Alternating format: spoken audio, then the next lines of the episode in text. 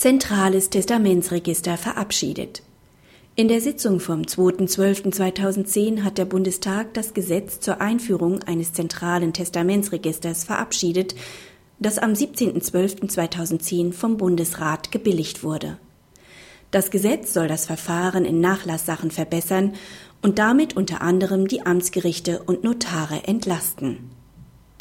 Es beinhaltet die Einrichtung eines zentralen Testamentsregisters bei der Bundesnotarkammer, in das die vorhandenen Daten zu überführen sind.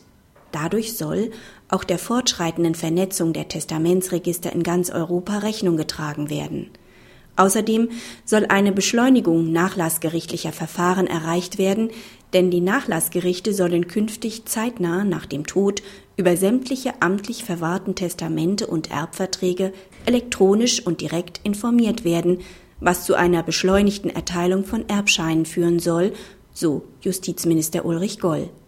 Verfahrenstechnisch wird künftig das Standesamt des Sterbeorts das zentrale Testamentsregister benachrichtigen. Ergibt die dortige elektronische Prüfung, dass eine letztwillige Verfügung amtlich verwahrt ist, wird von dort aus das Nachlassgericht verständigt und auch die verwahrende Stelle mitgeteilt. Ist eine Verwahrung nicht registriert, wird dies ebenfalls umgehend dem Gericht bekannt gegeben